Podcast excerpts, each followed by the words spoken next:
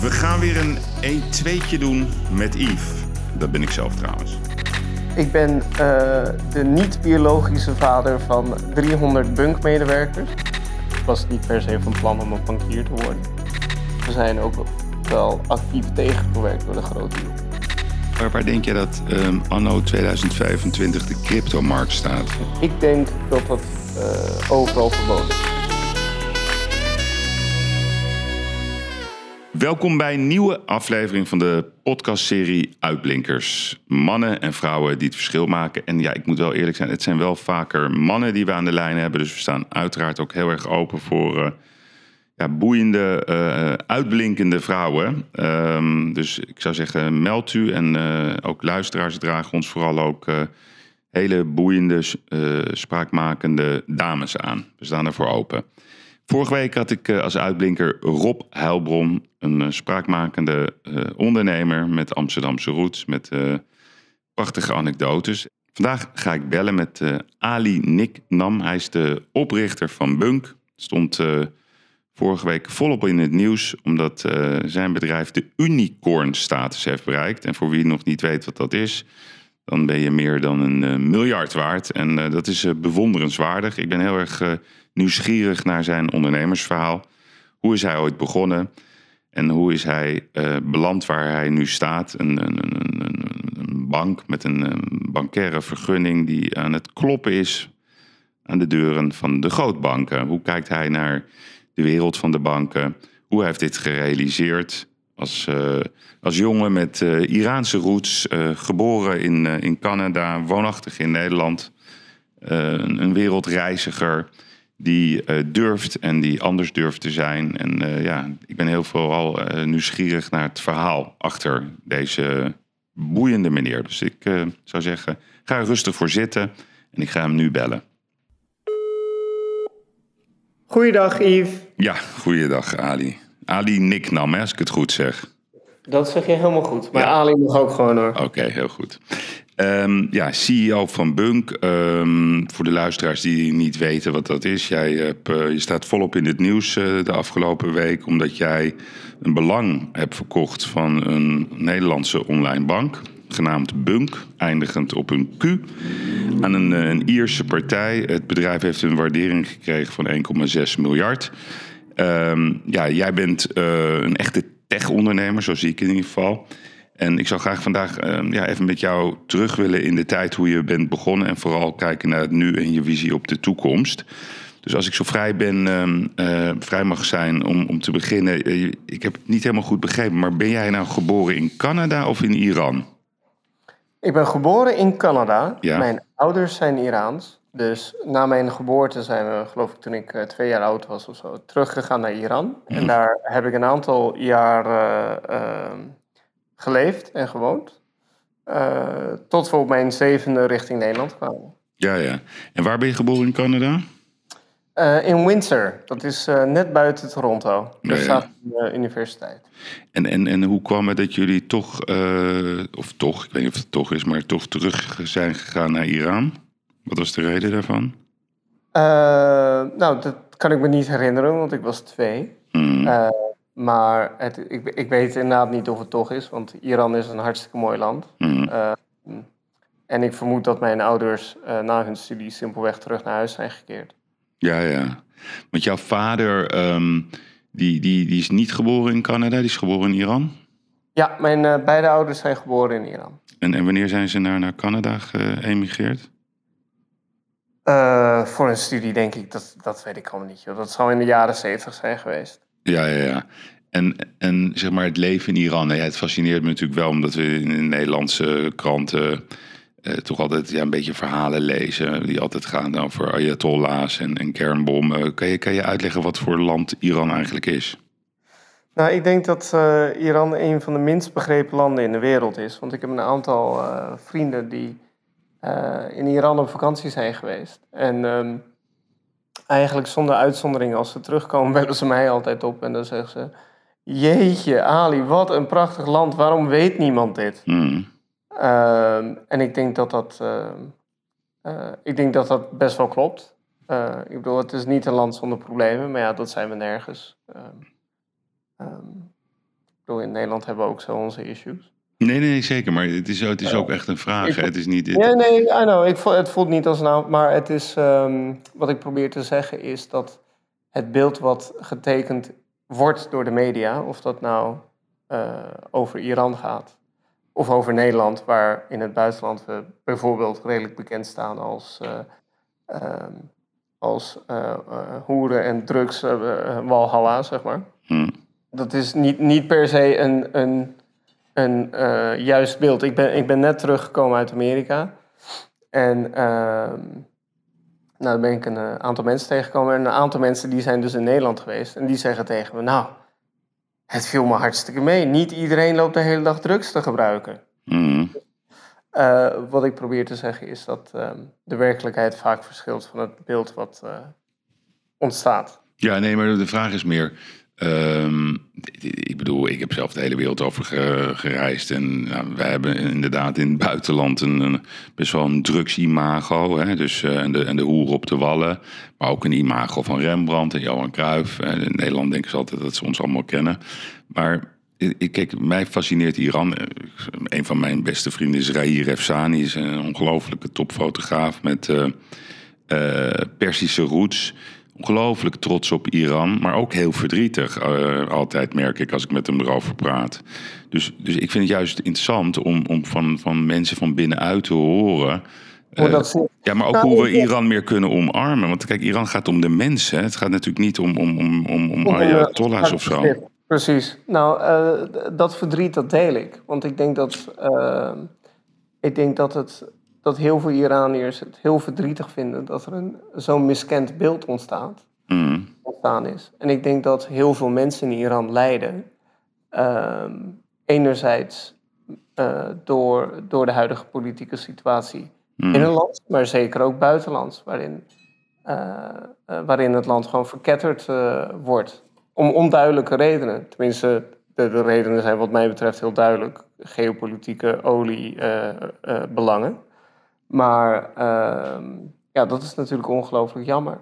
En, ehm, maar goed, we zullen zien of er onder Biden een nieuwe wind gaat waaien. Ja, ja, maar is dat, gaat dat zo ver dat dat de Amerikanen dan bepalen? Want eh, dat, dat is wat, wat ik altijd heel apart vind. Is, ik ben wel in het Midden-Oosten geweest. En ja, dan denk ik, waarom niet van binnenuit? Hè? Die, die, die revolte, die vernieuwing, eh, die cultuur, die pracht eigenlijk die daar is. Hè? Dus waarom, waarom, waarom hebben we de Amerikanen nodig? Dan praat ik even Ja. in de we-term.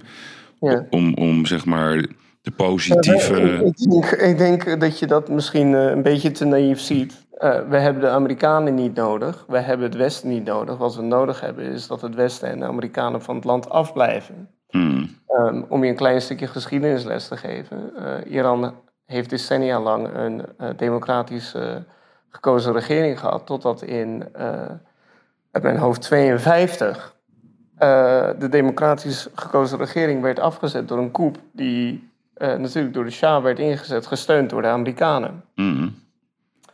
Ehm, dus ik denk dat het een beetje een vertekend beeld is om te zeggen waarom hebben de Amerikanen nodig? Want dat is dus niet, we hebben de- hun afwezigheid nodig. Ja, Dat zie je eigenlijk op meer plekken in het Midden-Oosten. Ik bedoel, de eh, embargo's tegen en de boycotts tegen Iran, eh, waardoor het land niet op een normale manier handel kan drijven.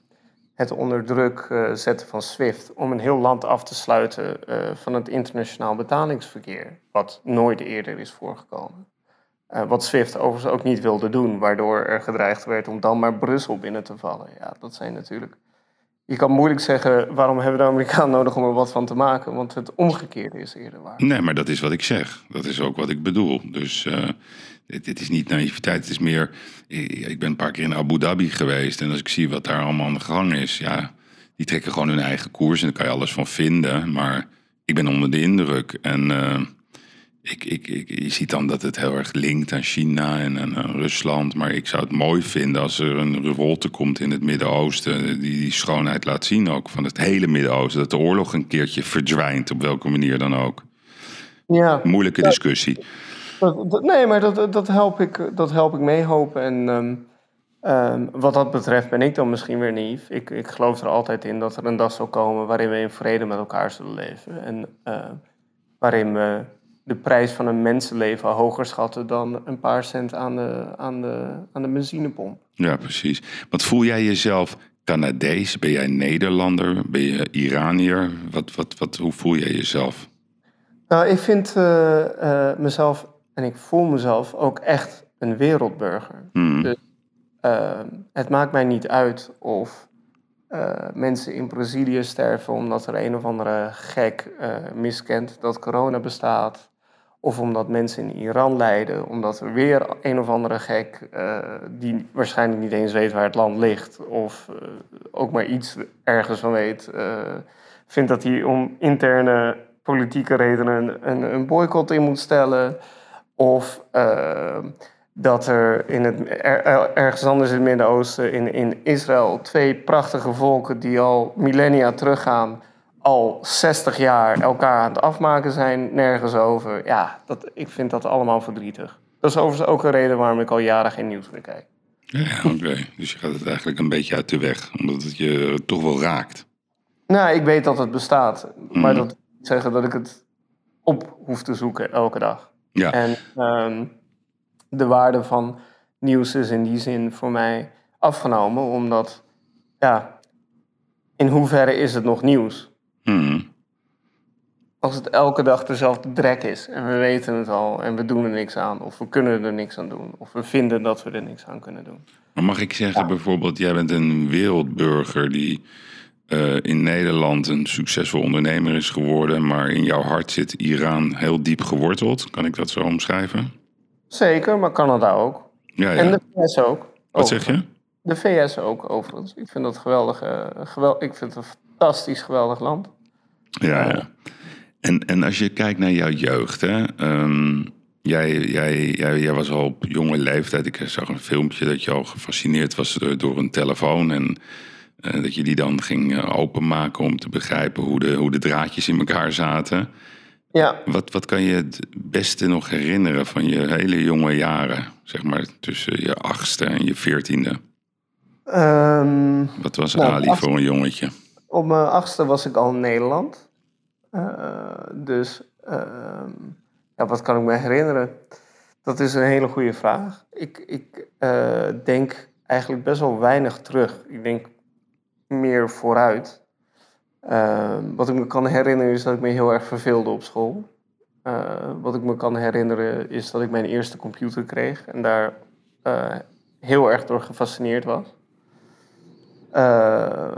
Wat ik me kan herinneren is sport. Ik heb heel veel gesport toen ik, uh, toen ik jong was. Wat, wat voor sporten? Ja, heel veel verschillende dingen. En dat vond ik allemaal leuk. Dus ik heb uh, schermen gedaan. Uh, en dat, dat ging me eigenlijk best goed af. Ik heb atletiek gedaan. Dat ging me goed af. Wat, wat deed je voor atletiek? gewoon, ja, op die leeftijd doe je alles. Dus hardlopen, hoordenspringen, hoogspringen. oh, hoogspringen. Hoe hoog sprong je? Nou, ik ben zelf niet zo heel lang, maar uh, ik ben ook niet zo zwaar. Dus ik, op die leeftijd kwam ik nog redelijk mee. Uh, kon, kon, je 1,80 meter springen? Uh, oh, dat weet ik niet. Nee, nee. Dat, ja, ik, dat betwijfel ik op die leeftijd. Mm -hmm.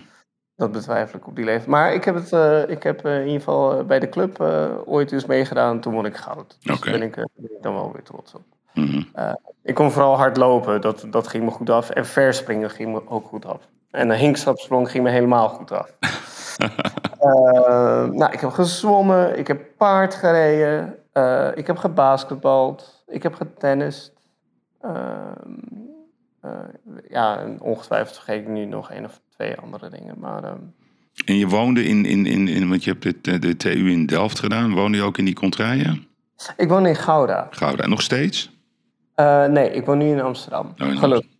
Ja, ja ben je, vind je Amsterdam een fijne stad om te wonen? Uh, ik vind uh, Amsterdam een fijnere stad om te wonen. Fijnere, oké. Okay. Want waar, waar, waar, woon je in Amsterdam? Ik hoef niet straatnaam, maar welk gedeelte? Ja, een beetje in het centrum. Oh, in het centrum. Ja, ja, ja. En ik heb inmiddels ook een huis gekocht na jaren van uh, een huurappartement. Hmm. ook omdat het beter gaat met Bunk. Ja. Dus ehm, ja, ik ben, ik ben hier eigenlijk redelijk tevreden. Okay. Het is alleen wel allemaal heel klein vergeleken met uh, ja, andere wereldsteden. Ja, want, want ben jij ook vader? Ben je getrouwd? Heb je kinderen? Ehm, ik, ik ben uh, de niet-biologische vader van 300 bunkmedewerkers. En voor de rest uh, ben ik niet getrouwd en heb ik geen kinderen. Nee, nee of, of heb je een vriend? Of ja, ik vraag het maar gewoon hoor. Ik weet niet hoe jij in het leven staat. Ja, nee, ik ben, ik ben lekker zo single als maar zijn kan. Oké, heel goed. Lekker rustig, hè? maar, maar het is niet je ambitie, zeg maar, om een gezin te stichten buiten het werk wat je doet.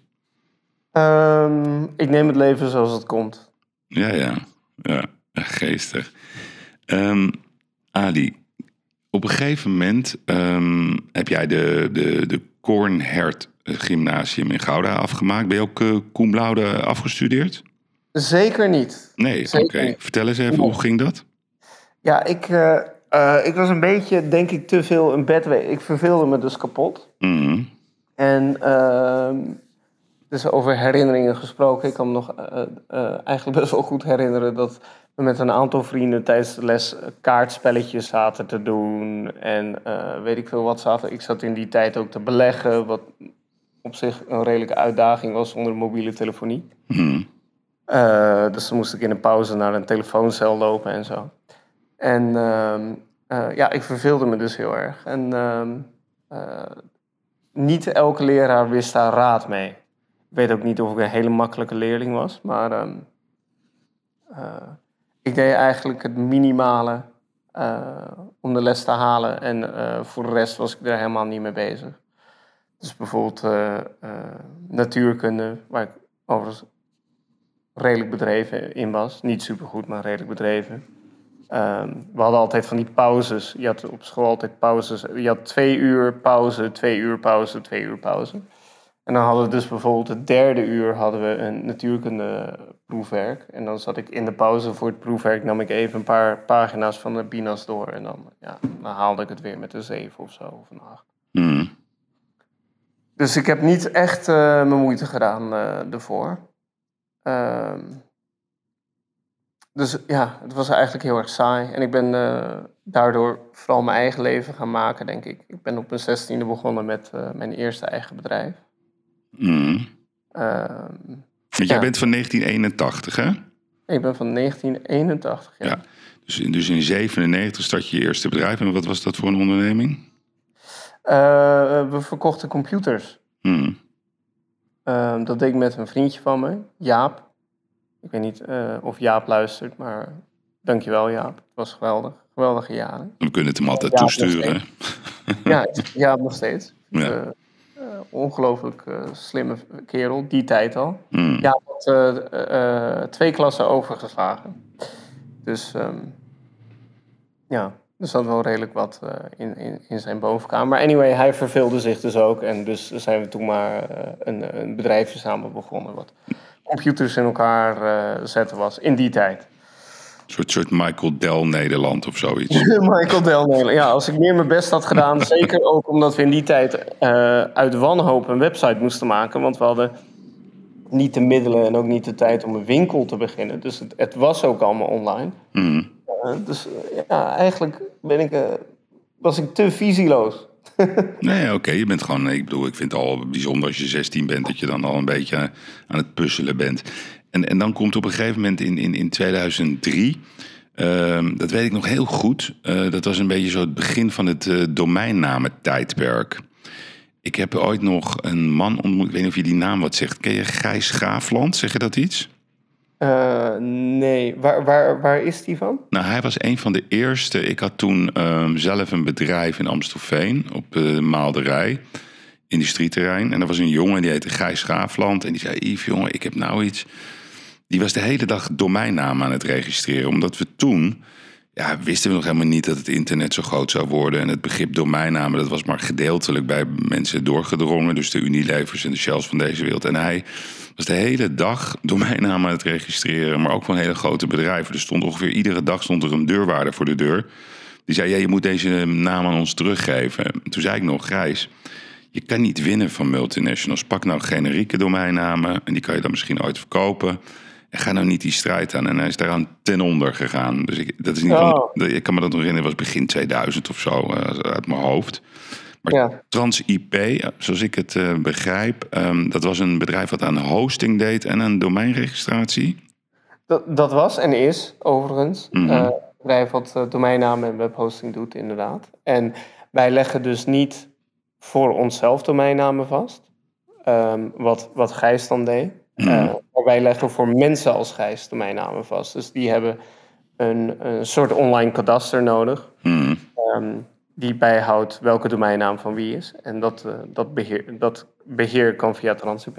Ja, dus bijvoorbeeld in Nederland heb je eh, zeg maar de stichting eh, domeinregistratie. Daar kan je ook gewoon volgens mij gewoon bij registreren. Maar je hebt ook EuroDNS of Register.com. Moet ik het een beetje in die, in die ranking plaatsen?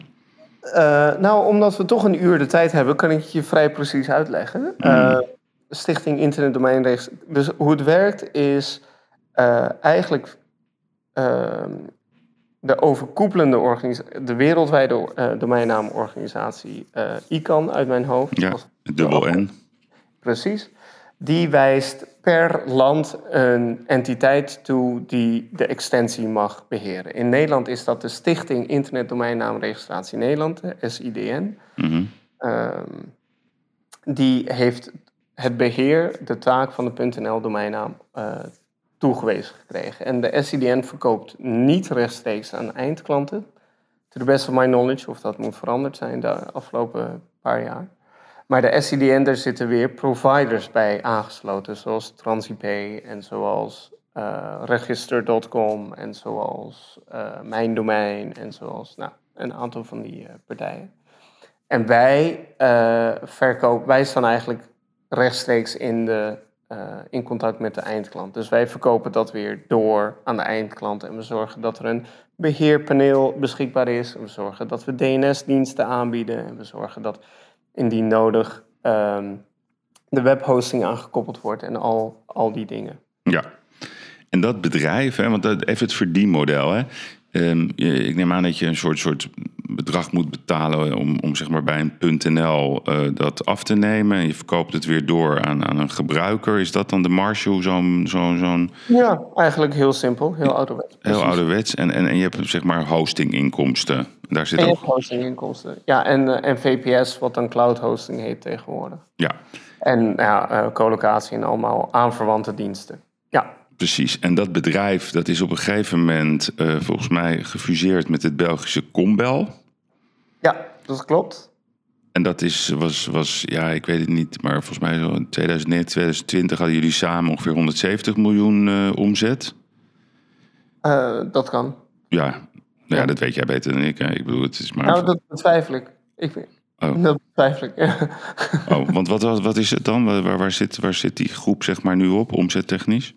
Eh, nou, dit klinkt misschien eh, eh, verrassend, maar dat zou ik dus echt niet weten. Nee, nee, dat valt mij op bij meerdere interviews die jij hebt gegeven. Dat zodra het gaat over omzetgerelateerde vragen, dat je, ja, je doet een beetje dit. Ik heb me dat achteraf verkeerd herinnerd. Ik betreur dat ten zeerste. Ja, dat, dat noemen wij knop 22. Dat is Rutte die het niet meer weet. Oh, oké. Verkeerd herinneren. Nou, ik herinner het me niet verkeerd. Ik herinner het me gewoon niet. Oh, gewoon helemaal niet. Ehm, ik ben daar niet zo mee bezig. En ehm, dat komt omdat ik eh, me inspan en me bezighoud met daar waar ik het verschil kan maken. Mhm. Ehm, in het geval van TransIP, wat dus inderdaad eh, eh, na de fusie met Combel en de Italiaanse partij Register.it eh, de derde grootste in de wereld is geworden. Nou, er zitten zoveel accountants en auditors en weet ik veel wat op, dat ik me daar niet echt mee bezig hou. Mhm. Dat hoeft niet, dat, dat zou zonde van mijn tijd zijn en daar heb ik bovendien niks aan toe te voegen. Eh, dus ik denk liever na over zaken waar ik wel wat toe te voegen heb. Ja, maar dit is, ik vind dit een hele interessante opmerking. Ik zal je ook uitleggen waarom.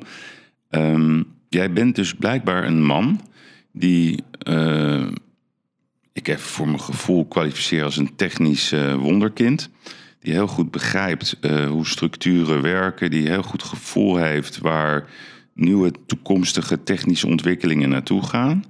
Dat, dat is volgens mij jouw, jouw grote kernkwaliteit. En je hebt blijkbaar de rust om het te delegeren naar, naar adviseurs of hoe je ze noemen wil, die voor jou eh, zeg maar nieuwe conglomeraten optuigen, waarderingen daaraan geven, jouw belangen daarin ook goed vertegenwoordigen, hoop ik dan.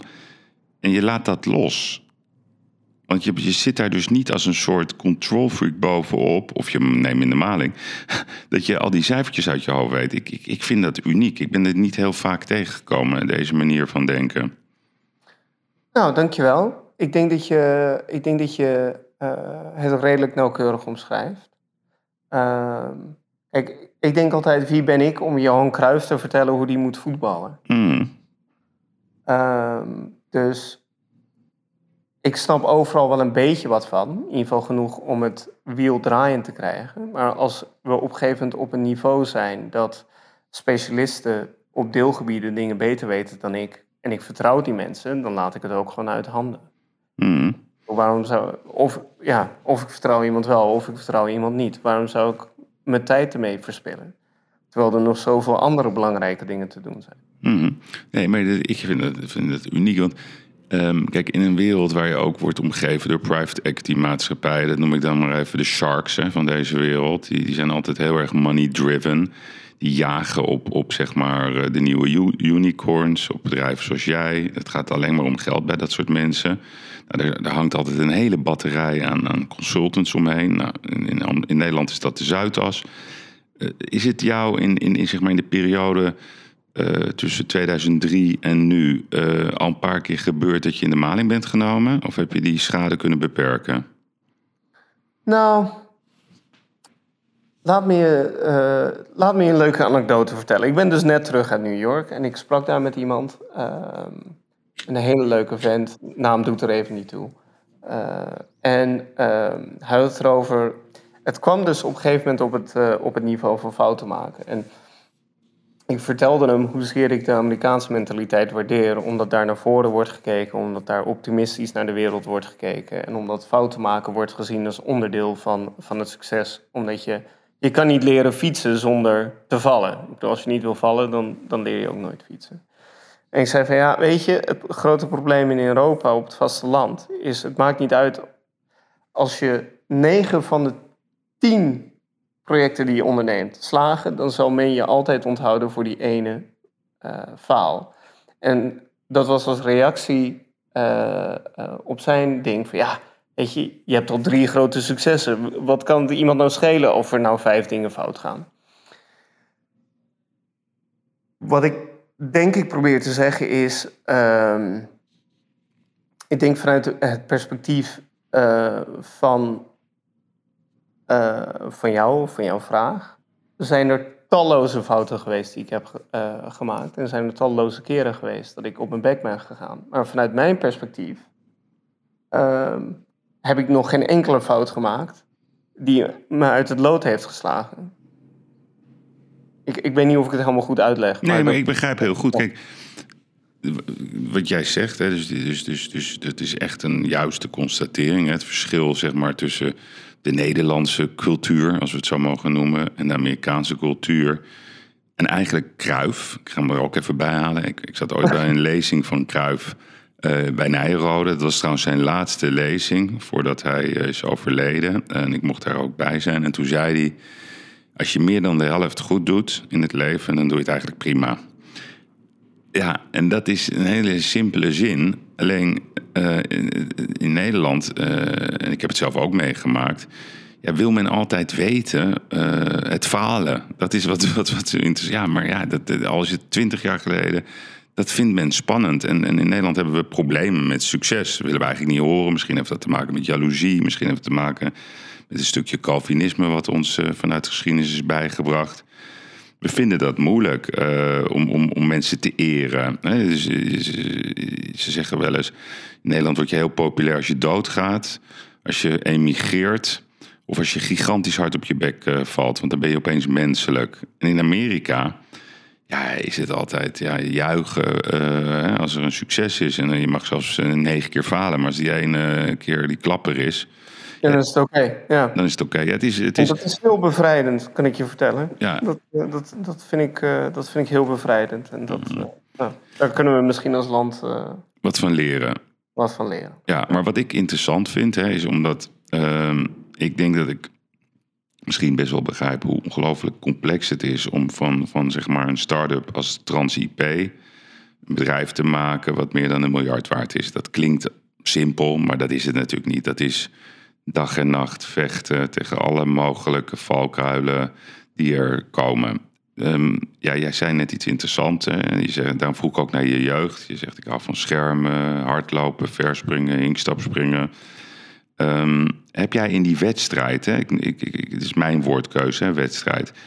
Uh, tussen dat je in 97 je eerste computerbedrijfje uh, uh, begon... tot zeg maar de fusie met de Belgen... Um, heb je tegenslagen makkelijk kunnen verwerken als mens? Dat je gewoon die incassering ja. gewoon, ja, eigenlijk gewoon langs je schouders liet glijden. Dat je daar niet van, van slag ja. raakte.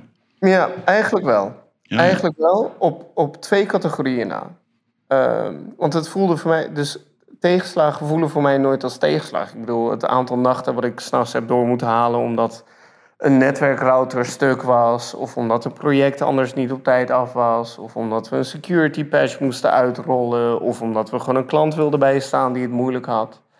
Ja, dat, dat zijn er zoveel geweest. Dat zijn er zoveel geweest. Ik denk wel eens terug aan die tijd. En dat is dan denk ik uh, gratie gods uh, van de jeugd. Maar ik denk, hoe hield ik dat in hemelsnaam vol? Ja. Nou, maar dat, dat ging gewoon van nature. En weet je, dan was er wat stuk. En dat, dat, was, ja, dat was natuurlijk irritant. Maar dat was ook meteen de aanleiding om het te fixen. Mm. Maar waar ik eigenlijk uh, in die tijd achter kwam dat ik er niet zo goed waar ik niet zo goed tegen kan, is gesteggel binnen de gelederen. Daar kan ik gewoon niet zo goed tegen. Dus als ik. Ik zie, uh, uh, ik zie bedrijven runnen of bedrijven bouwen toch vaak een beetje strijdmakkers uh, onder elkaar en we gaan samen wat doen. En um, ja, soms gebeuren daar dingen die ik. nou, bij Transpaper bijvoorbeeld heb ik een dingetje gehad met, met aandeelhouders. Dat heb ik ook beschreven in mijn boek. Dat boek heet Ondernemers hebben nooit geluk. Hmm.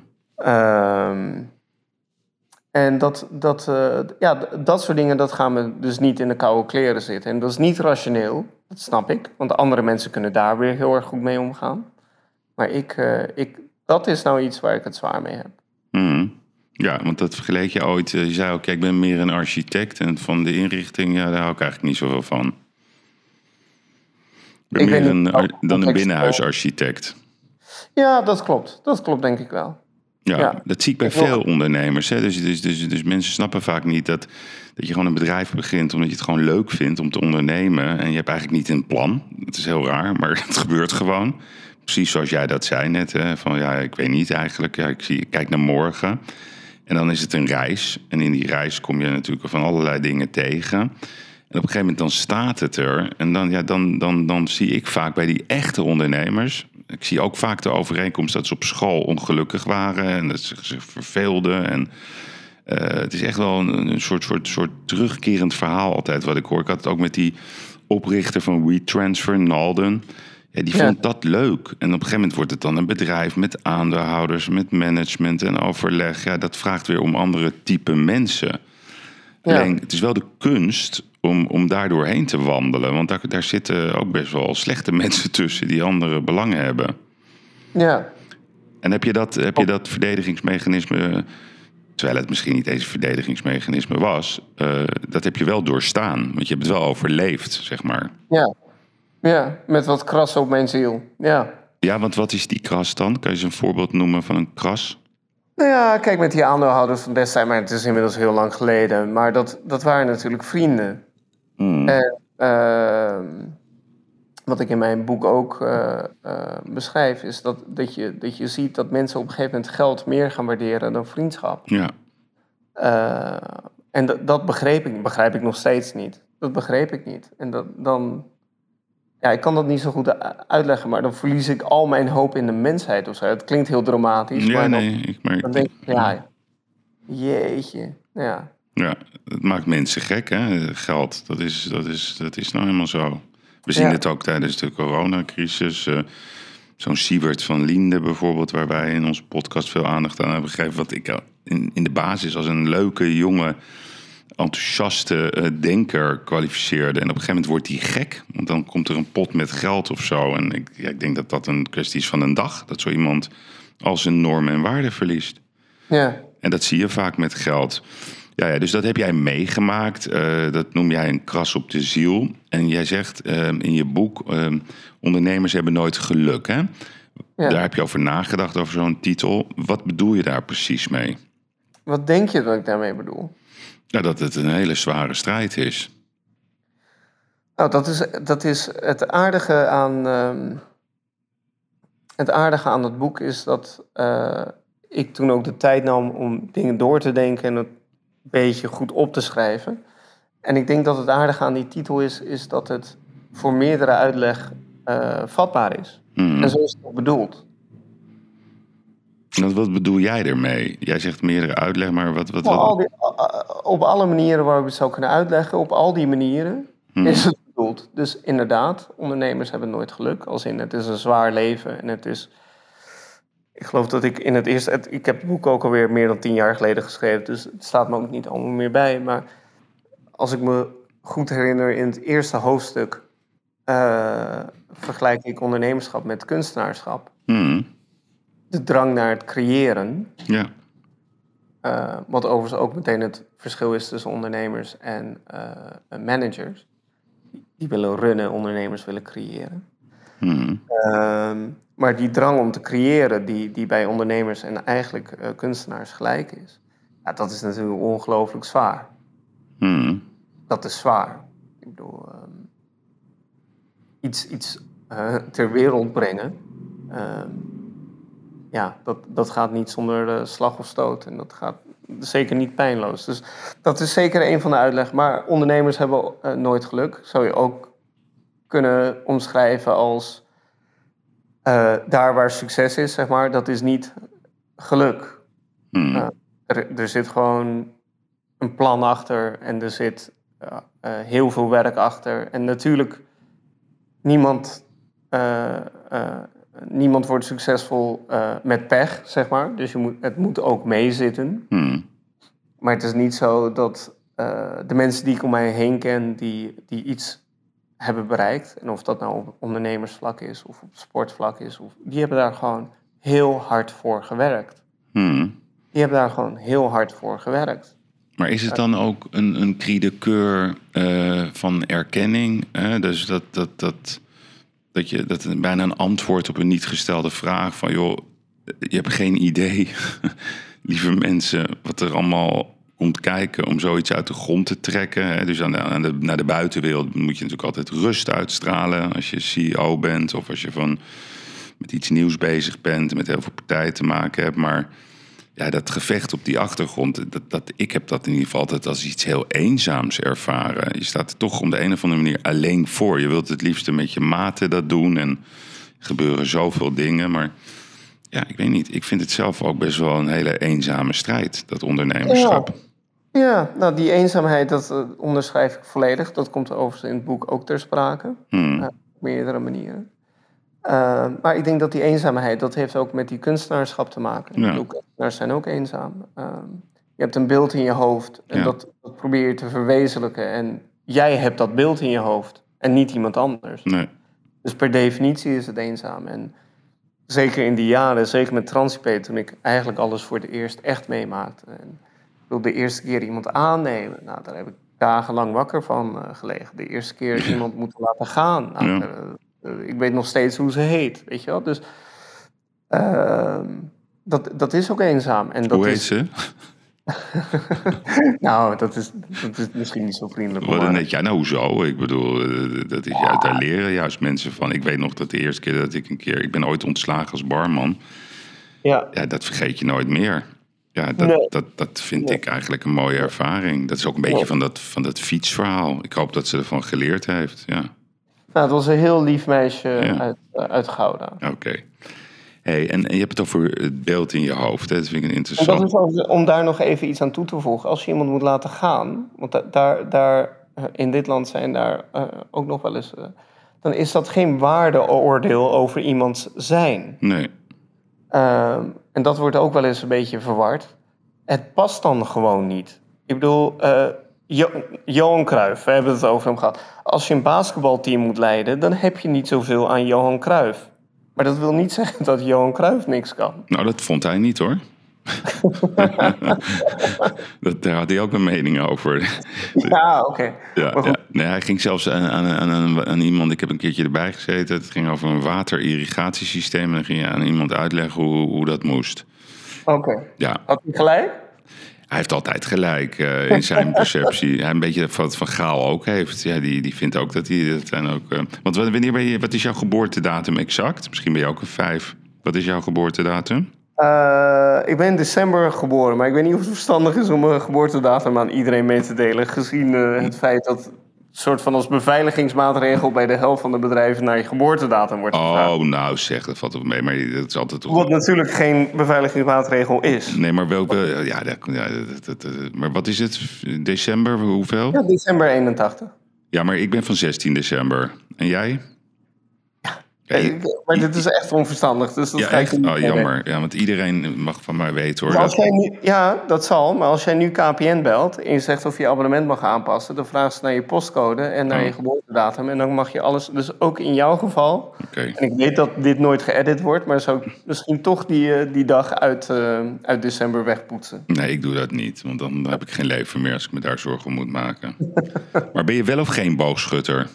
Ik ben wel een boogschutter. Zie je? Dus ik voel dat toch goed aan. Grappig. Ja, ik ben wel een boogschutter. Daarom- ik weet niet wat dat betekent, maar dat, Ja, dat toch, dat, dat, dat avontuurlijke, dat, eh, die strijd om, om te veranderen. eh, de, de, de, toch ook die, die behoefte aan onafhankelijkheid. eh, naar voren kijken, het vermogen om te incasseren.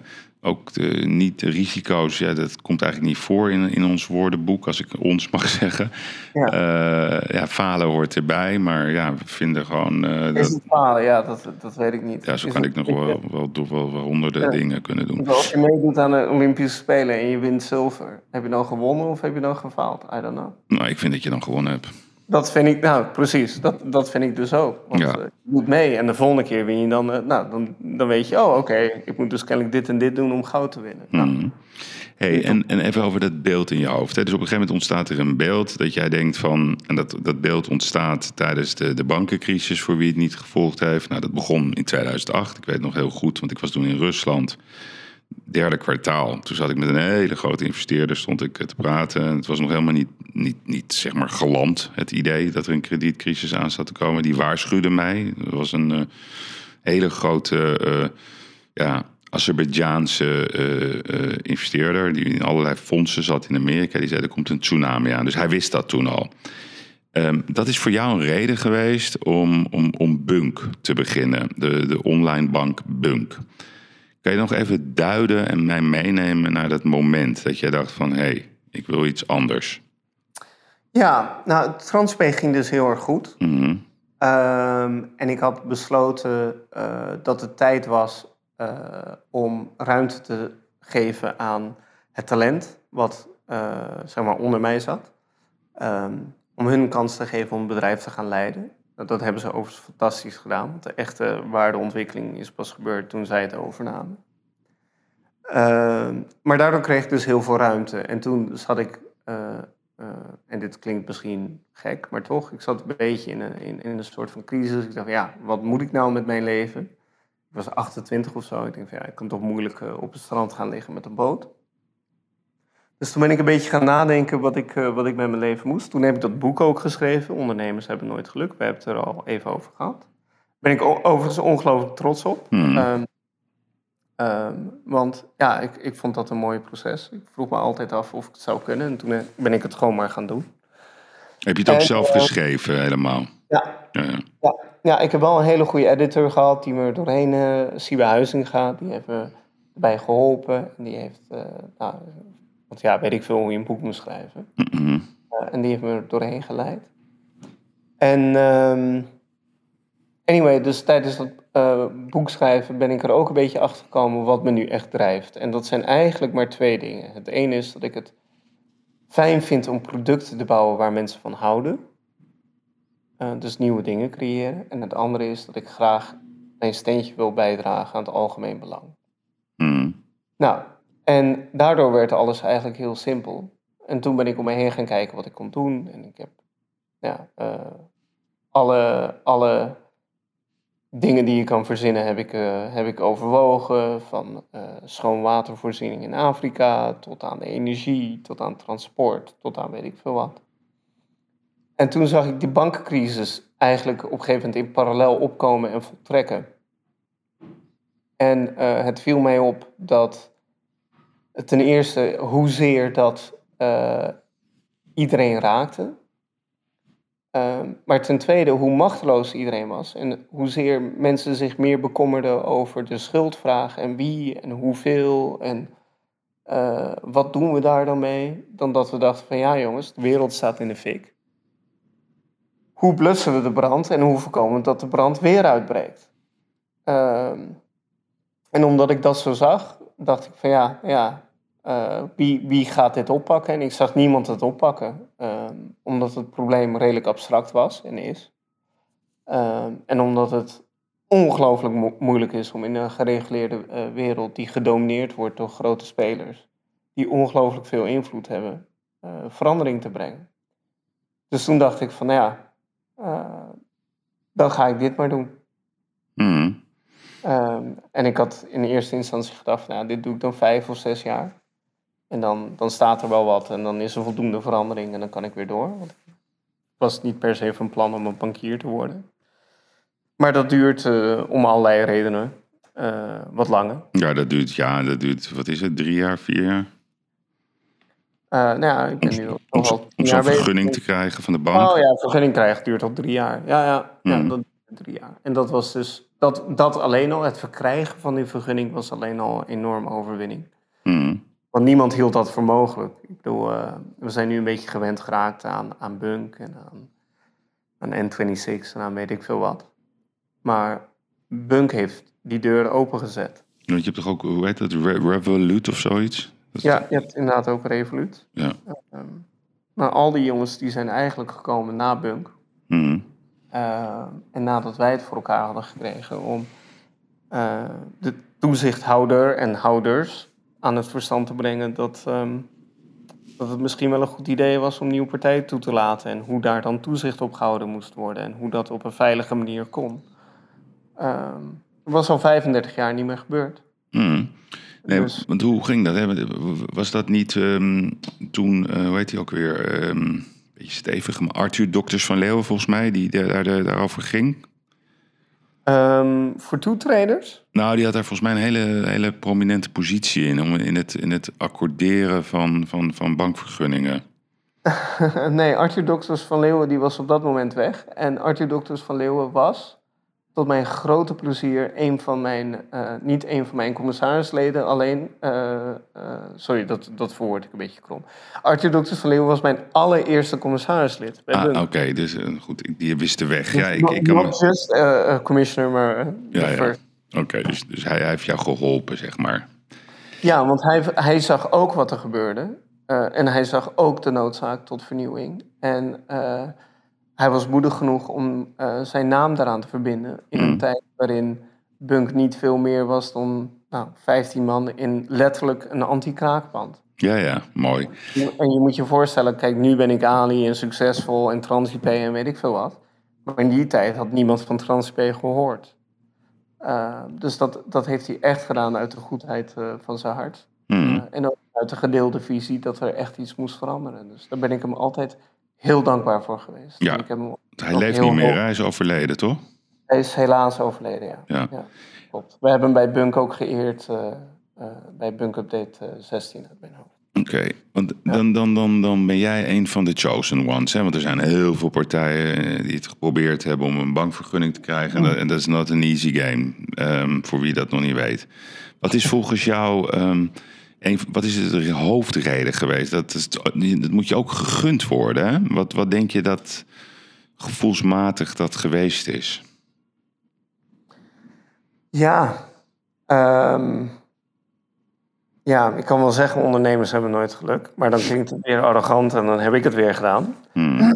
Maar um, ik denk wat het geweest is, is dat, um, dat we om de juiste redenen die vergunning hebben willen aanvragen.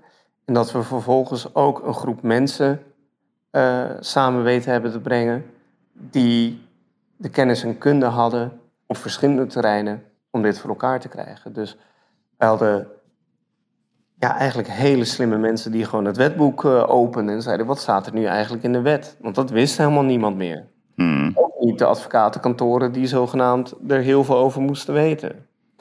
Uh, wij hebben mensen als Arthur Dokters van Leeuwen aan ons weten te binden, die daarmee uh, geloofwaardigheid aan het geheel uh, gaven. Hè? Toen, we, toen we met het vergunningsproces begonnen bij DNB, was de eerste vraag ook hoe is het in. Waarom doet Arthur Dokters van Leeuwen in hemelsnaam met een start-up mee? Wie zijn jullie wel niet? Nou, dus dat maakt het voor uh, toch een zeer sterk risicomijdend instituut als DNB het moeilijker om zomaar je de deur te wijzen. Hmm. Dus ik denk dat de combinatie is geweest van, uh, uh, um, van die factoren. En dan vervolgens gewoon niet opgeven. Want het is niet dat, uh, dat men zei van... oh, nou, jullie weten hoe de wet in elkaar steekt. Oh, Dokters van Leeuwen doet mee. Nou, wees welkom. Zo ging dat natuurlijk niet. Hmm. Nee, oké, okay, maar goed. Dus, dus, dus dat, ja, ik hoef ook niet alle details. Maar op een gegeven moment word jij een van die partijen. Dus wat, dan ga je kijken, oké, okay, een bankvergunning. Dus ik ging vanochtend vroeg voor het eerst eens eventjes kijken naar wat is dat dan, hè? een bunk-app. Nou, wat zie ik dan? Um, ja, een beetje... Even om nog één ding. Ik word dus niet één van die partijen. Wij waren de partij. Nee, Oké, okay. goed dat je me corrigeert. Ja, ja, dat is belangrijk, omdat die andere partijen, dat zien wij niet als concurrenten, maar als vrucht van onze ideologie. Mm. Wij hebben die deur op een kier gezet, waardoor anderen ook naar binnen konden glippen. Ja, ja, oké. Okay. Dus dat... Jullie waren Don Quixote? Ja. ja, zo word ik ook wel eens genoemd, ja. ja. Oké, okay. dus dat is jouw bijnaam? nou, nee. nee binnen, binnen, de gelederen van de, van, van de ja. regulator wordt wel eens... Uh, ja, waar is die toch mee bezig? Ja, ja, ja precies. Ja. Maar goed, dan kijk ik, hè... Um, Uh, want dan ga ik het even gewoon terugbrengen naar wat is het nu precies. Hè? Dus dan, dan, dan, dan open ik uh, zeg maar de, de app en dan zie ik Join the Free. En het ziet er heel erg uh, modern uit, revolutionair. Wat ik heel erg zie ook bij de nieuwe ja, wonderkinderen zeg maar, van de technolo technologische revolutie. Ik zie een soort stijl die heel goed begrijpen wat, wat, wat, wat, wat de nieuwe uitstraling moet zijn. Eenvoud, gebruiker staat centraal.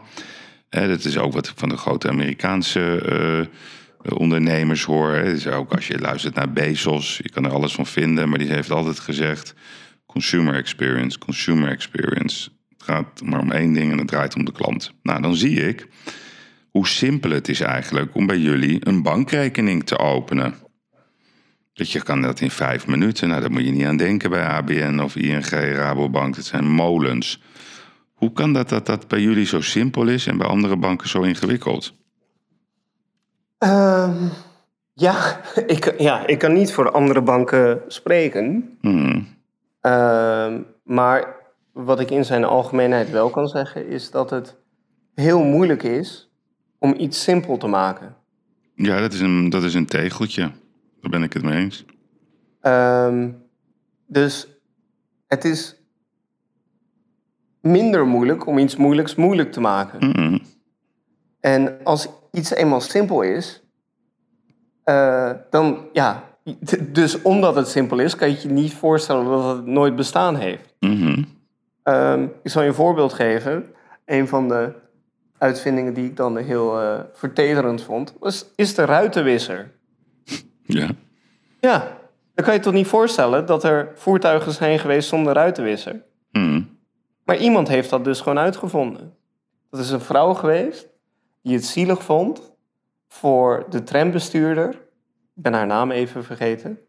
Maar die vond het dus zielig dat de trambestuurder om de zoveel minuten moest stoppen om naar buiten te lopen, om de voorraam, om, het voorruit, om de voorruit uh, schoon te maken. Hmm. Omdat ze koud was en het sneeuwde. Die heeft toen de ruitenwisser uitgevonden. Ja. En achteraf denk je, ja, dat is toch hartstikke simpel. Een gloeilamp is toch hartstikke simpel. Maar het is, het resultaat is simpel. De weg erheen wat minder. Mm. Ja. En Ken jij bijvoorbeeld Hans Haupt? Nee. Ja, dat is de uitvinder van de paraplu. ja, Ah. nee, maar dat is. Ja. Ja, nee, maar dat is ook zoiets dat je denkt, ja, paraplu. Nee, maar dat is, dat heb je ongelooflijk gelijk in. Dus, dus ehm, het is goed als het simpel is. Een, een bedrijf is eigenlijk pas goed als mensen er geen vragen meer over stellen. Want dan, dan, dan, dan heb je het eigenlijk geaccepteerd gemaakt door de, door de consument. Ja. Ehm, de, die grote bank, hè, ehm, komen die ook bij jou langs om met je te brainstormen? Of vinden ze jou een beetje eng? Of, of laten, je, laten ze je zwemmen? Want als je te groot wordt, nou, dan denk ik ook, dan, dan, dan, dan ga je daar toch last van krijgen. Hoe kijk jij zelf naar de grootbanken? Hoe de grootbanken met Bunk zijn omgegaan is door de jaren heen eh, veranderd. Ehm, in het begin, voordat we lanceerden, probeerden een aantal mensen van een aantal grootbanken op allerlei manieren te achterhalen wat wij nu aan het doen waren. Aan de ene kant was dat heel charmerend, aan de andere kant was het ook wel irritant.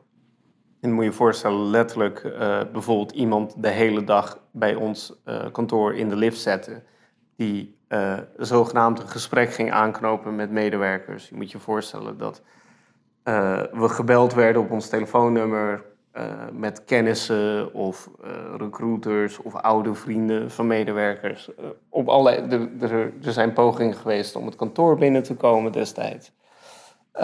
Allerlei manieren. Hoe bedoel je dat? nou, door achter mensen aan te lopen of door te claimen dat iemand een afspraak had met iemand. Ehm, om maar binnen te komen om te begrijpen wat we aan het doen waren. Hmm. Nou. Ehm, toen wij lanceerden was er heel veel angst van de grootbank. Van oh jee, eh, straks eh, loopt iedereen weg en wat moeten wij dan? Dus de, eh, men ging redelijk spastisch met ons om. Nou, dat is in de, in de loop der jaren is dat wat genormaliseerd.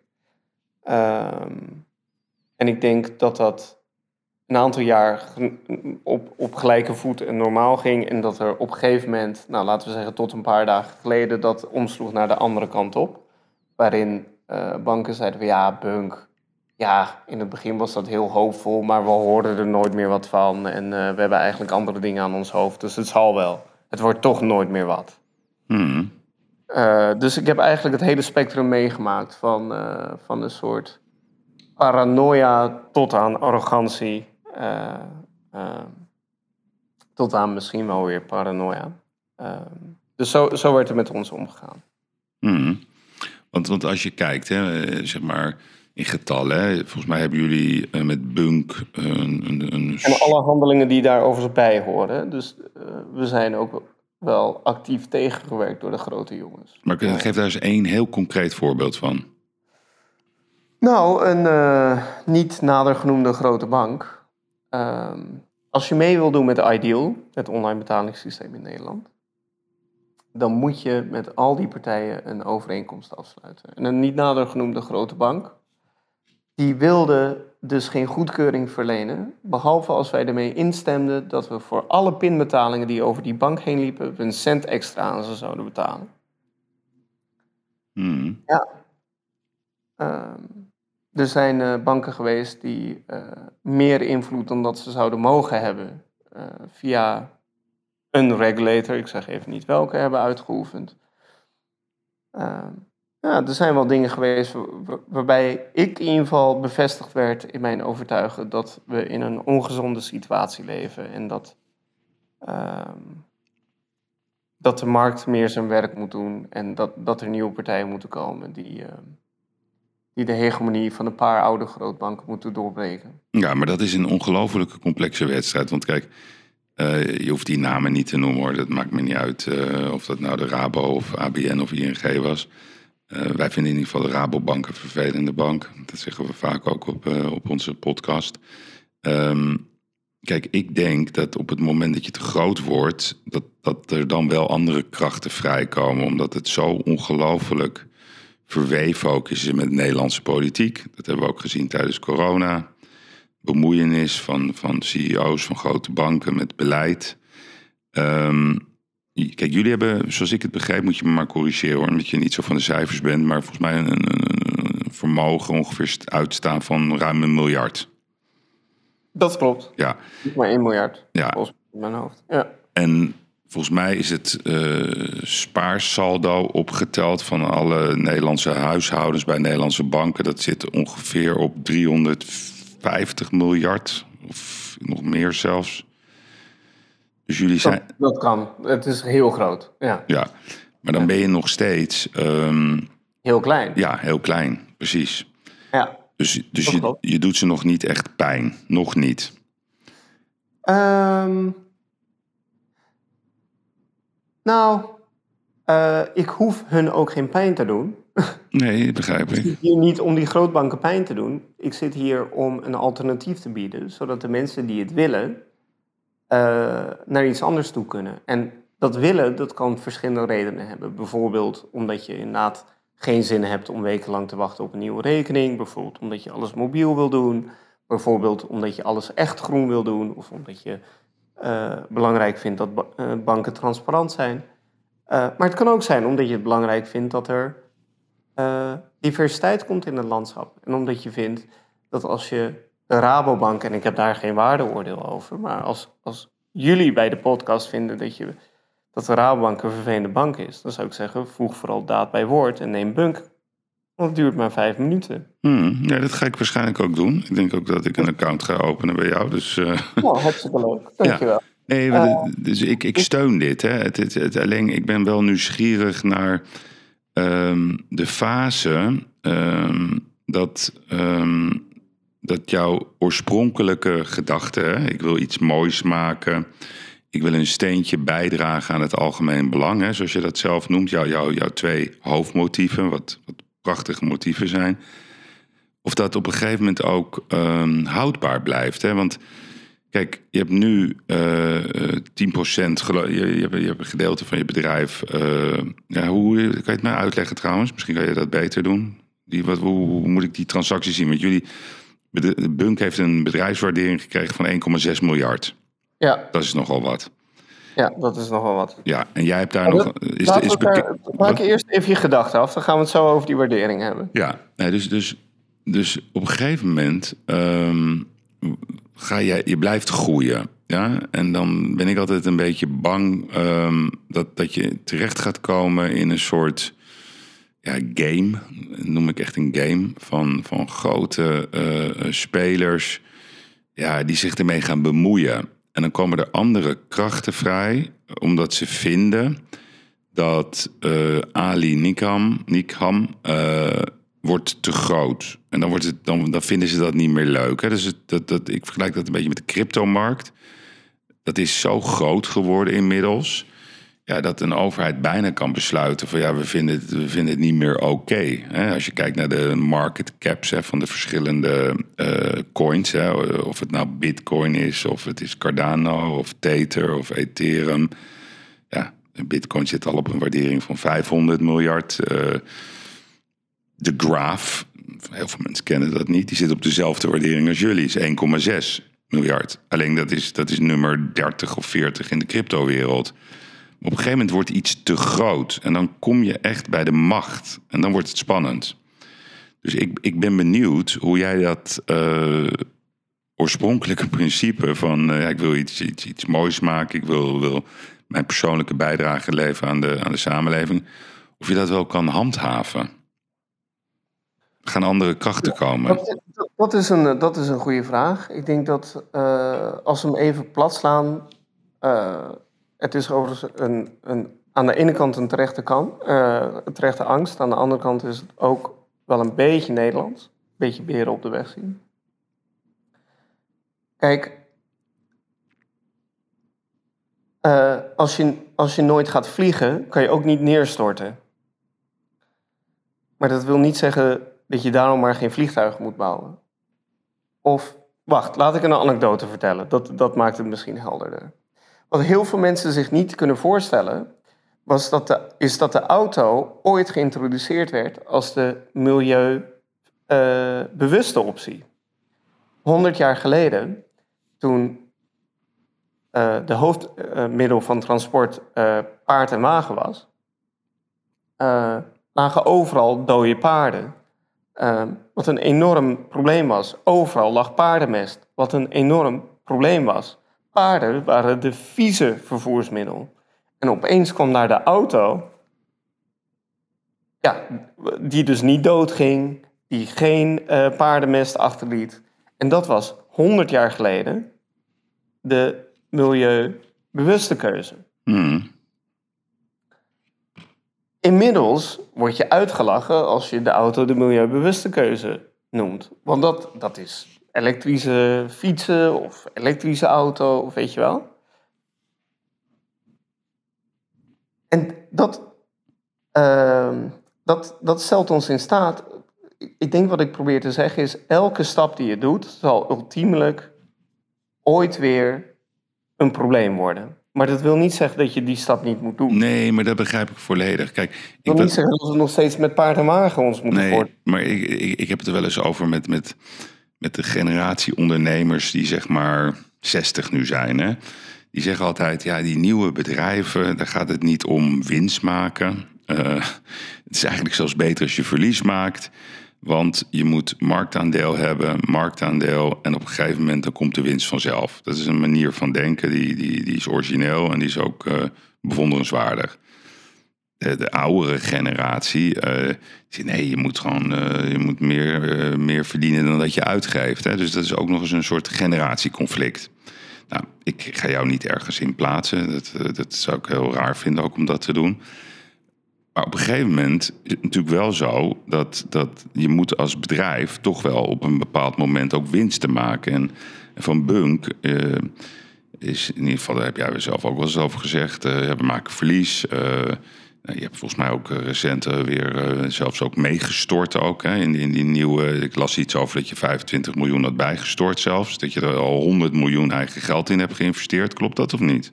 Dat klopt. Ja. Dat wordt 125 miljoen in totaal. Ja, nou dat is nogal, je moet het maar even hebben liggen. Drie keer de staatsloterij winnen. Ja, nee, het is toch wel uniek dat jij dat gewoon kan. Dat je zo'n bedrag gewoon uit je eigen zak gewoon kan bijstorten. Maar op een gegeven moment, ja, kan je wel stortingsmoe worden. Ja. Ja. Dus eh, wat is nu precies je vraag? Nou, mijn vraag is, straks wordt Bunk te succesvol en dan gebeuren er andere nare dingen. nou niet naar. De vraag is eigenlijk, er komt een moment Ja? dat jij als, als, als bedrijf, dan zal je van die 1,1 miljard eh, vermogen, dan moet je, je moet dan gewoon naar 2 tot 5 miljard. Want dan ga je echt meedoen in het grote verhaal. Dan kan het wel eens zo zijn dat jij wordt uitgerookt als aandeelhouder. Want dan kan je, niet meer, dan kan je het niet meer aan. Het mee blijven storten. En dan kom je dus terecht ja, in de wereld van het echte grote kapitaal. Dus dan ga je vanzelf verwateren met jouw belang. En dan, dan, dan dat is het moment ook. Eh, het is ook helemaal niet een angst, hè? het is meer gewoon een gedachte. Dat, dat komt wel het moment dat, jij, ja, dat je de grip gaat kwijtraken op het oorspronkelijke, leuke, originele eh bunk-concept. Hè, dus gewoon snel een rekening openen, lekker Ja. Ik transparant. vind, dit, ik Ja. vind dit dus, en ik, maar ik vind dit dus echt negatief gedacht. Oké. Ik vind Ja. dit echt, want dit is dus een uitleg. Hmm. Een andere uitleg zou zijn, op een gegeven moment wordt het heel erg groot. En dan gaat mijn kind eh, volwassen verder. Ja. Dan raak ik dus niet de grip kwijt, maar dan gaat het meedijnen met de golven van de samenleving. Hmm. Ja, ik zeg het eigenlijk, het is niet. Als- Ik als- bedoel, ik bedoel als- het namelijk helemaal niet negatief. Want ik, ik, ik hoop. Trans- zoals TransIP dat eigenlijk ook is gaan doen. Ja, nee, Maar ik, vind dat ik, ben, ik, eh, eh, ik kijk uit naar dat moment, want dat betekent dat ik. eh, we hadden het helemaal over iets meer dan een uur geleden inmiddels. Ja. Aan het begin van deze podcast over kinderen. Hmm. Maar ja, mijn bedrijven zijn natuurlijk ook een beetje mijn kinderen. Tuurlijk. Eh, ik wil niks liever dan dat ze volwassen worden, op eigen benen staan en de wereld ingaan. Ja. En wat er dan gebeurt, ja, dat, dat hangt af van het kind. Hmm. Of van het kind, zeg maar de DNA wat erin zit. En de interactie van het kind met, met, eh, met de omgeving. Ja, maar, maar, maar, maar de grap is dat ik, ik hoop ehm, eigenlijk dat jij wint. Dat is omdat ik zelf. ik, ik, ik Nou, goed. ja, Dankjewel. nee, dat hoop ik. Kijk, dus ik ben daar wel open over. Ik heb een hekel aan banken. Echt een bloedhekel. En Dat, dat zijn dan mijn littekens. En dat zijn mijn kras op de ziel. Ik heb wel wat meegemaakt met al die types. Ja. Dus, dus ik hoop altijd dat eh, de Ali's, of hoe je ze noemen wil, die dit durven, dat die die wedstrijd winnen. Alleen, ik heb ook een beetje ervaring. En ik weet dat als het echt spannend wordt, ja, dan kom je in een ander, ander omveld. Dan kom je echt in het centrum van de macht. En Ja. kijk, TransIP, dat zijn domeinnamen, dat is hosting, dat is iets anders. Maar het geldsysteem is nou eenmaal zo gebouwd. Ja, dat, dat, dat je ja, eh, te maken hebt met, met instituten. En het, elke keer wordt het trapje wat je neemt en het sprongetje wat je maakt, komt steeds iets dichter bij de echte macht. Hè, Ja. dus, dus bij de centrale banken, noem het allemaal op. Ja, dan dat is meer een, een vrees. Het is niet negatief bedoeld, helemaal niet. Het is gewoon een beetje hoe ik het heb gezien in al die, al die verschillende tijdperken. Ali mag niet te groot worden. Dat denk ik. Ik hoop het wel hoor, Ali. nou, dankjewel. Ik, ik hoop dat je ongelijk hebt. En ik, eh, en Ja. ik hoop dat iedereen die dit hoort... en die zegt van ja, maar Ali moet wel groot worden... Nou, dan kan je dus heel makkelijk iets aan doen door lid te worden van Bunk. Ja, oké. Nee, maar dat gaan we doen. Hey, en, en dan even over, over die waarderingen. Want hoe, hoe leg eens uit? Hoeveel belang heb jij nog in dat bedrijf? Overgrote meerderheid. Ze hebben minder dan 10%. Ja, ja, oké. Dus, dus jij hebt de overgrote meerderheid. Dus, dus dat betekent dat jij gewoon miljardair bent op papier. Ja, op papier. Ja. Ja. Sta je daarbij stil ook? Eh, niet echt. Nee? Nee. Nee, maar dat zijn er maar een paar hoor in Nederland. Maar ik denk dat het heel ongezond is als je. Eh, ik denk dat het heel gezond is dat je heel bewust met geld omgaat. Hmm. Tot een bepaald niveau. Ehm, ik ben altijd, eh, na mijn eerste jaren ondernemerschap, vanaf mijn zestiende moest ik elk dubbeltje tien keer omdraaien. Hmm. Ik weet het eerste jaar van TransIP ehm, heb ik een uur per dag extra aan de administratie eh, moeten doen. Omdat we dan een goedkoper boekhoudpakket hadden, wat 40 euro per maand scheelde. Hmm. Uur per dag, jaar lang, 40 euro per maand. Hmm. Ehm, dus ik zat echt, echt eh, elke dubbeltje, niet twee keer, niet drie keer, niet tien keer, maar honderd keer om te draaien. Hmm. Maar ik denk dat eh, op het moment dat de financiële situatie verandert, en dat is eh, dankzij TransP gelukkig zo gebeurd, dan word je gek als je over geld blijft nadenken als geld. Dus dat doe ik ook al heel lang niet meer. Hmm. Ik zie gewoon getallen Ja, die, eh, die dingen doen. En dat, dat raakt mij niet. En ja, soms gaan ze omhoog, soms gaan ze omlaag. Ik bedoel, tot een paar maanden geleden vond iedereen me geschift. En eh, Bunk werd helemaal niks. En ik zat al 100 miljoen in het rood. En dat geld zou nooit terugkomen. En weet ik veel wat. En nu is het 1,6 miljard volgens diezelfde Nee, nu ben je genie. Dat is Cruyffiaans, hè? ben- dan ben ik weer een genie en weet ik veel, over vijf jaar eh, eh, zegt iemand anders misschien weer is het nul en is het weer helemaal verschrikkelijk. Ja, hij was megalomaan. Ja, nee, maar dat, dat hij is... was megalomaan en het was 1,6 miljard. Nee, nee, nee, en hij nog, weet ik veel. Nee, dat, dat, dat vergeten we. Nee, de Cruijff, eh, toch even Kruif eren. Die heeft altijd gezegd, als je iets nieuws begint... dan zeggen ze dat je gestoord bent. Als het goed uitpakt, dan ben je een genie. Dus daar houden Ja. we ons aan vast. Ik ga je toch... Je had het net ehm, een tijdje geleden over... dat je graag vooruit kijkt. Eh, Ik ga je toch Ja. dan eventjes een voorspelling vragen. Waar staat Ja. Bunkbank eh, in 2025?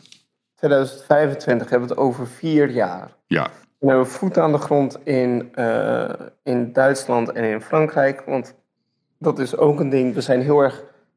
In dit land zit zoveel kwaliteit en zoveel talent. Mhm. Maar al, die, eh, al dat talent en kwaliteit kijkt te veel naar elkaar. We moeten de wereld in. Mhm. Dat zeg ik al jaren, daar ben ik oprecht van overtuigd. En dat, dat ga ik met Bunk dan ook doen. Ik vind dat we met z'n allen iets fantastisch hebben neergezet. Ik vind dat we met z'n allen iets hebben neergezet waar Nederland trots op mag zijn.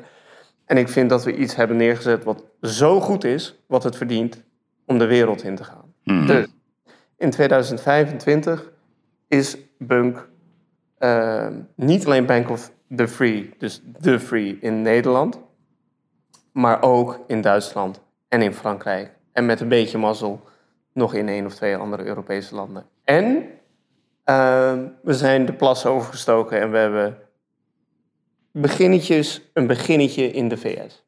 Ja, ja, oké. En, en, en in termen van, van klanten, hoeveel klanten heb je dan bijvoorbeeld in Nederland? Ja, dat is irrelevant. Hoezo? Daar kijk ik nu al niet naar. Nee, nee, dat heb ik vaker gelezen van jou. Maar waarom vind je dat irrelevant? Omdat wat relevant is, is dat wij groot genoeg zijn om het verschil te maken. Hm. Dat is wat relevant is. Maar is dit, is dit, is dit, ja, ik vind het raar, want ik bedoel, het is toch, dat je, het is toch normaal om te zeggen, dan hebben wij 1 miljoen klanten. Ja, dat is toch wat je wil? Eh, nee, want wat ik wil is groot genoeg zijn om het verschil te maken. Ja, maar dat koppel jij niet aan, jij koppelt dat niet aan getallen.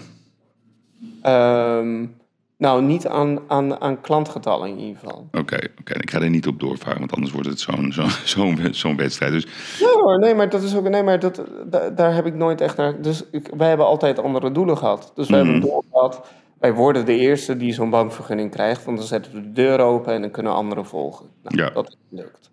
Dan hebben we als doel gehad, we gaan een betaalproduct neerzetten. Iedereen verklaarde ons voor gek. Dat kan niet, daar kan je niet mee eh, concurreren. In Nederland is alles al goed geregeld, nou, et cetera. Ik kan je eventueel de mailtjes laten lezen. ja, ja. Ehm, overigens, voor de luisteraars, dit is niet mijn telefoon. Nee, Dus- nee, er zit iemand, ja, het is mijn telefoon. Ik probeer hem eh, op, op uitstand te krijgen, maar het lukt me niet. Ja, Maar in ieder geval... gewoon, eh, gewoon door het raam. Ja, altijd, altijd een verstandig idee. Maar het- dat is ons toen wel gelukt. En dat is ons zodanig gelukt dat anderen ons hebben moeten volgen. Het Tikkie is een kopie van wat Bunk heeft geïntroduceerd. Nou, dat, alsjeblieft, grote Nederlandse gemeenschap. Ja, Dus onze doelen zijn altijd veel strategischer geweest. En als we daar een getal aan moesten hangen, eh, dan hebben we dat gedaan. Dus op een gegeven moment, nu wordt het van ons belangrijk. Ik zie inderdaad ook, de bedragen worden enorm. Ik heb een enorm bedrag geïnvesteerd. Dat hou ik inderdaad niet tot het einde der dagen vol. En dus eh, wordt het belangrijk dat Bunk eh, winstgevend wordt. ja. Dat, dat is, dan wordt het een getal. En hoe bereik je dat, die winstgevendheid? Door, door, door zeg maar abonnementensystemen?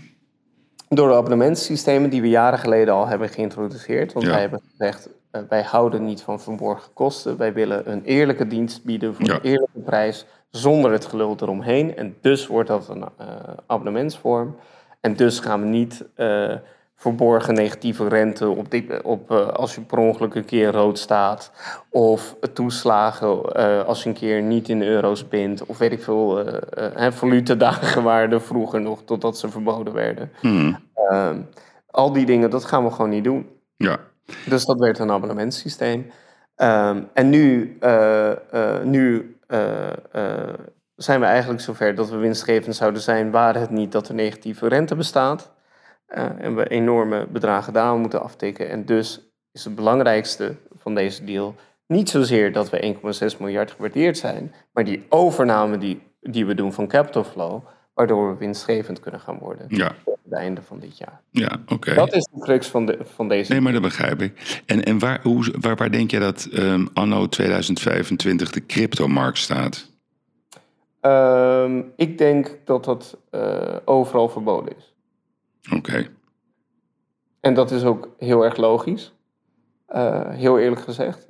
Omdat, ehm, alhoewel ik de waarden en de reden waarom crypto is ontstaan van harte steun, eh, denk, ik niet dat, eh, denk ik niet dat het eh, sustainable is. dat, dat het sustainable is. En ik denk dat het niet sustainable is omdat de manier waarop het staat, waarop het is ontwikkeld, zo enorm veel energie vereist, dat dat niet gaat werken, ten eerste. Ten tweede denk ik dat als je echt begrijpt hoe blockchain werkt, dan weet je dat als die waarde toeneemt, dat je dan dus een eh, wapenwedloop eh, kan krijgen van computing power om maar de blockchain te gaan beheersen. Want zodra je 50% plus 1 van, eh, van, de, van de computing power beheerst, beheers je dus de blockchain en kan je dus eh, de ledger aanpassen naar, naar wil. Ik weet niet of heel veel mensen zich dat eh, beseffen.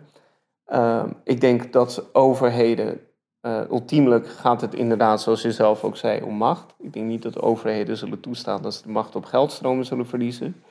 Dus daar, daar speelt iets mee. Dus daar geef je me wel een beetje in gelijk.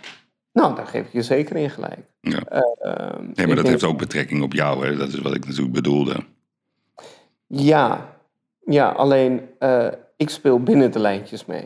Oké, oké, maar dat is een moeilijke. Dus jij zegt dat crypto niet binnen de lijnen wandelt. En overheden zijn er ook voor het wel en wee van een volk. Dus Mhm. als mensen, als wij genoeg leden hebben, mensen vinden iets, dan, dan straalt daar ook een enorme kans. En dus weet je, daar zit een wisselwerking in. Ja, maar, maar begrijp je ook dat heel veel crypto-believers, hè, er zijn echt heel veel, die Ja. vinden dit niet leuk om dit te horen hoor.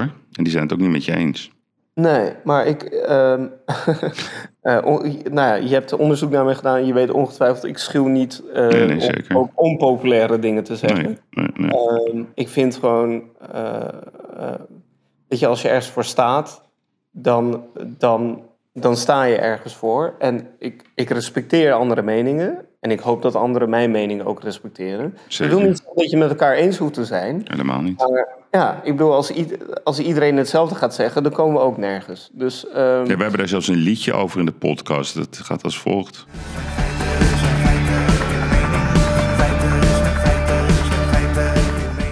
Ja, ja, feiten zijn feiten en geen mening. Nou, dat, onderschrijven van harte. Want, eh, die, die, eh, die scheidslijn wordt ook wel eens een beetje... ja, nee, duidelijk. Oké. Ehm, Laatst misschien nog, en dat is denk ik over die crypto. Ehm, ik denk dat er heel veel mensen zijn die eigenlijk om de verkeerde redenen in crypto zitten. Ik denk dat er een soort goudkoorts is en er gaan ongelukken gebeuren. En eh, ik denk dat er ook vanuit de samenleving een roep zal komen om dat wat meer te reguleren. Ja, ik zou dat ook mooi vinden als dat wordt geregeld. Ik geloof wel in de Satoshi-gedachte, net zoals ik geloof in de Ali Niknam-gedachte. Het blijft een hele spannende wedstrijd. Ik ga hem met heel veel belangstelling eh, volgen. Je bent in ieder geval de eerste bank. eh wij, ik organiseer al heel lang masters, eh, grote evenementen. We hebben altijd een banksponsor geweigerd. Gewoon structureel. Alle grote banken hebben ons benaderd. Dat hebben wij altijd ge- geweigerd, omdat wij willen een, een bank die vanuit het ondernemerschap denkt. Dus ik zou daar best wel eens een keertje buiten deze podcast om eh, met jou over willen praten, als je daarvoor open staat. Oh, dat lijkt me heel leuk. Ja. Graag. En je hebt mijn e-mailadres. Ja, nee, heel goed. Is er nog iets waar je op terug wil komen? Nou, ik wil even zeggen, eh, ik vond het een heel plezierig gesprek. Dankjewel. Ehm, en ik was erg onder de indruk dat we konden levelen. En dat, we, eh, dat, dat gebeurde een aantal keer tijdens het gesprek.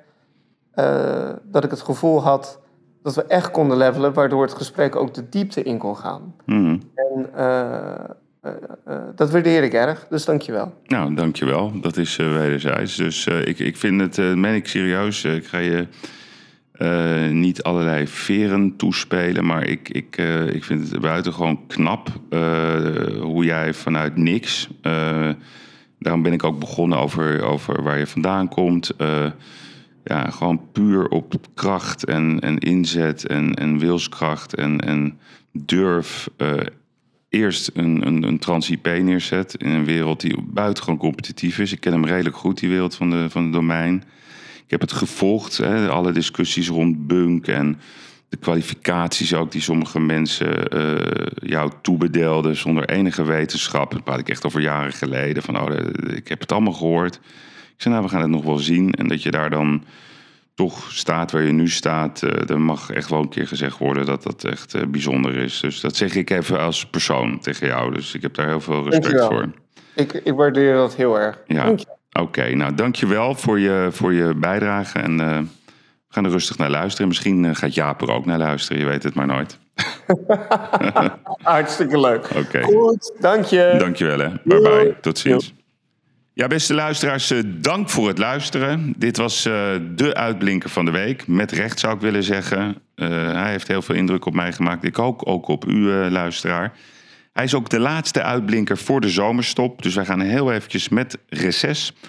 En na de zomer zijn we weer met nieuwe uitblinkers. En uiteraard met onze wekelijkse podcastserie The Gigs. Ik wens u een, eh, prachtige zomer.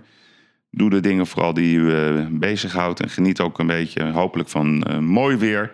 En na de zomer zijn we er terug met heel veel uitblinkers. En met spannende discussies in de gigs. Dank voor het luisteren voor dit moment. En tot na de zomer.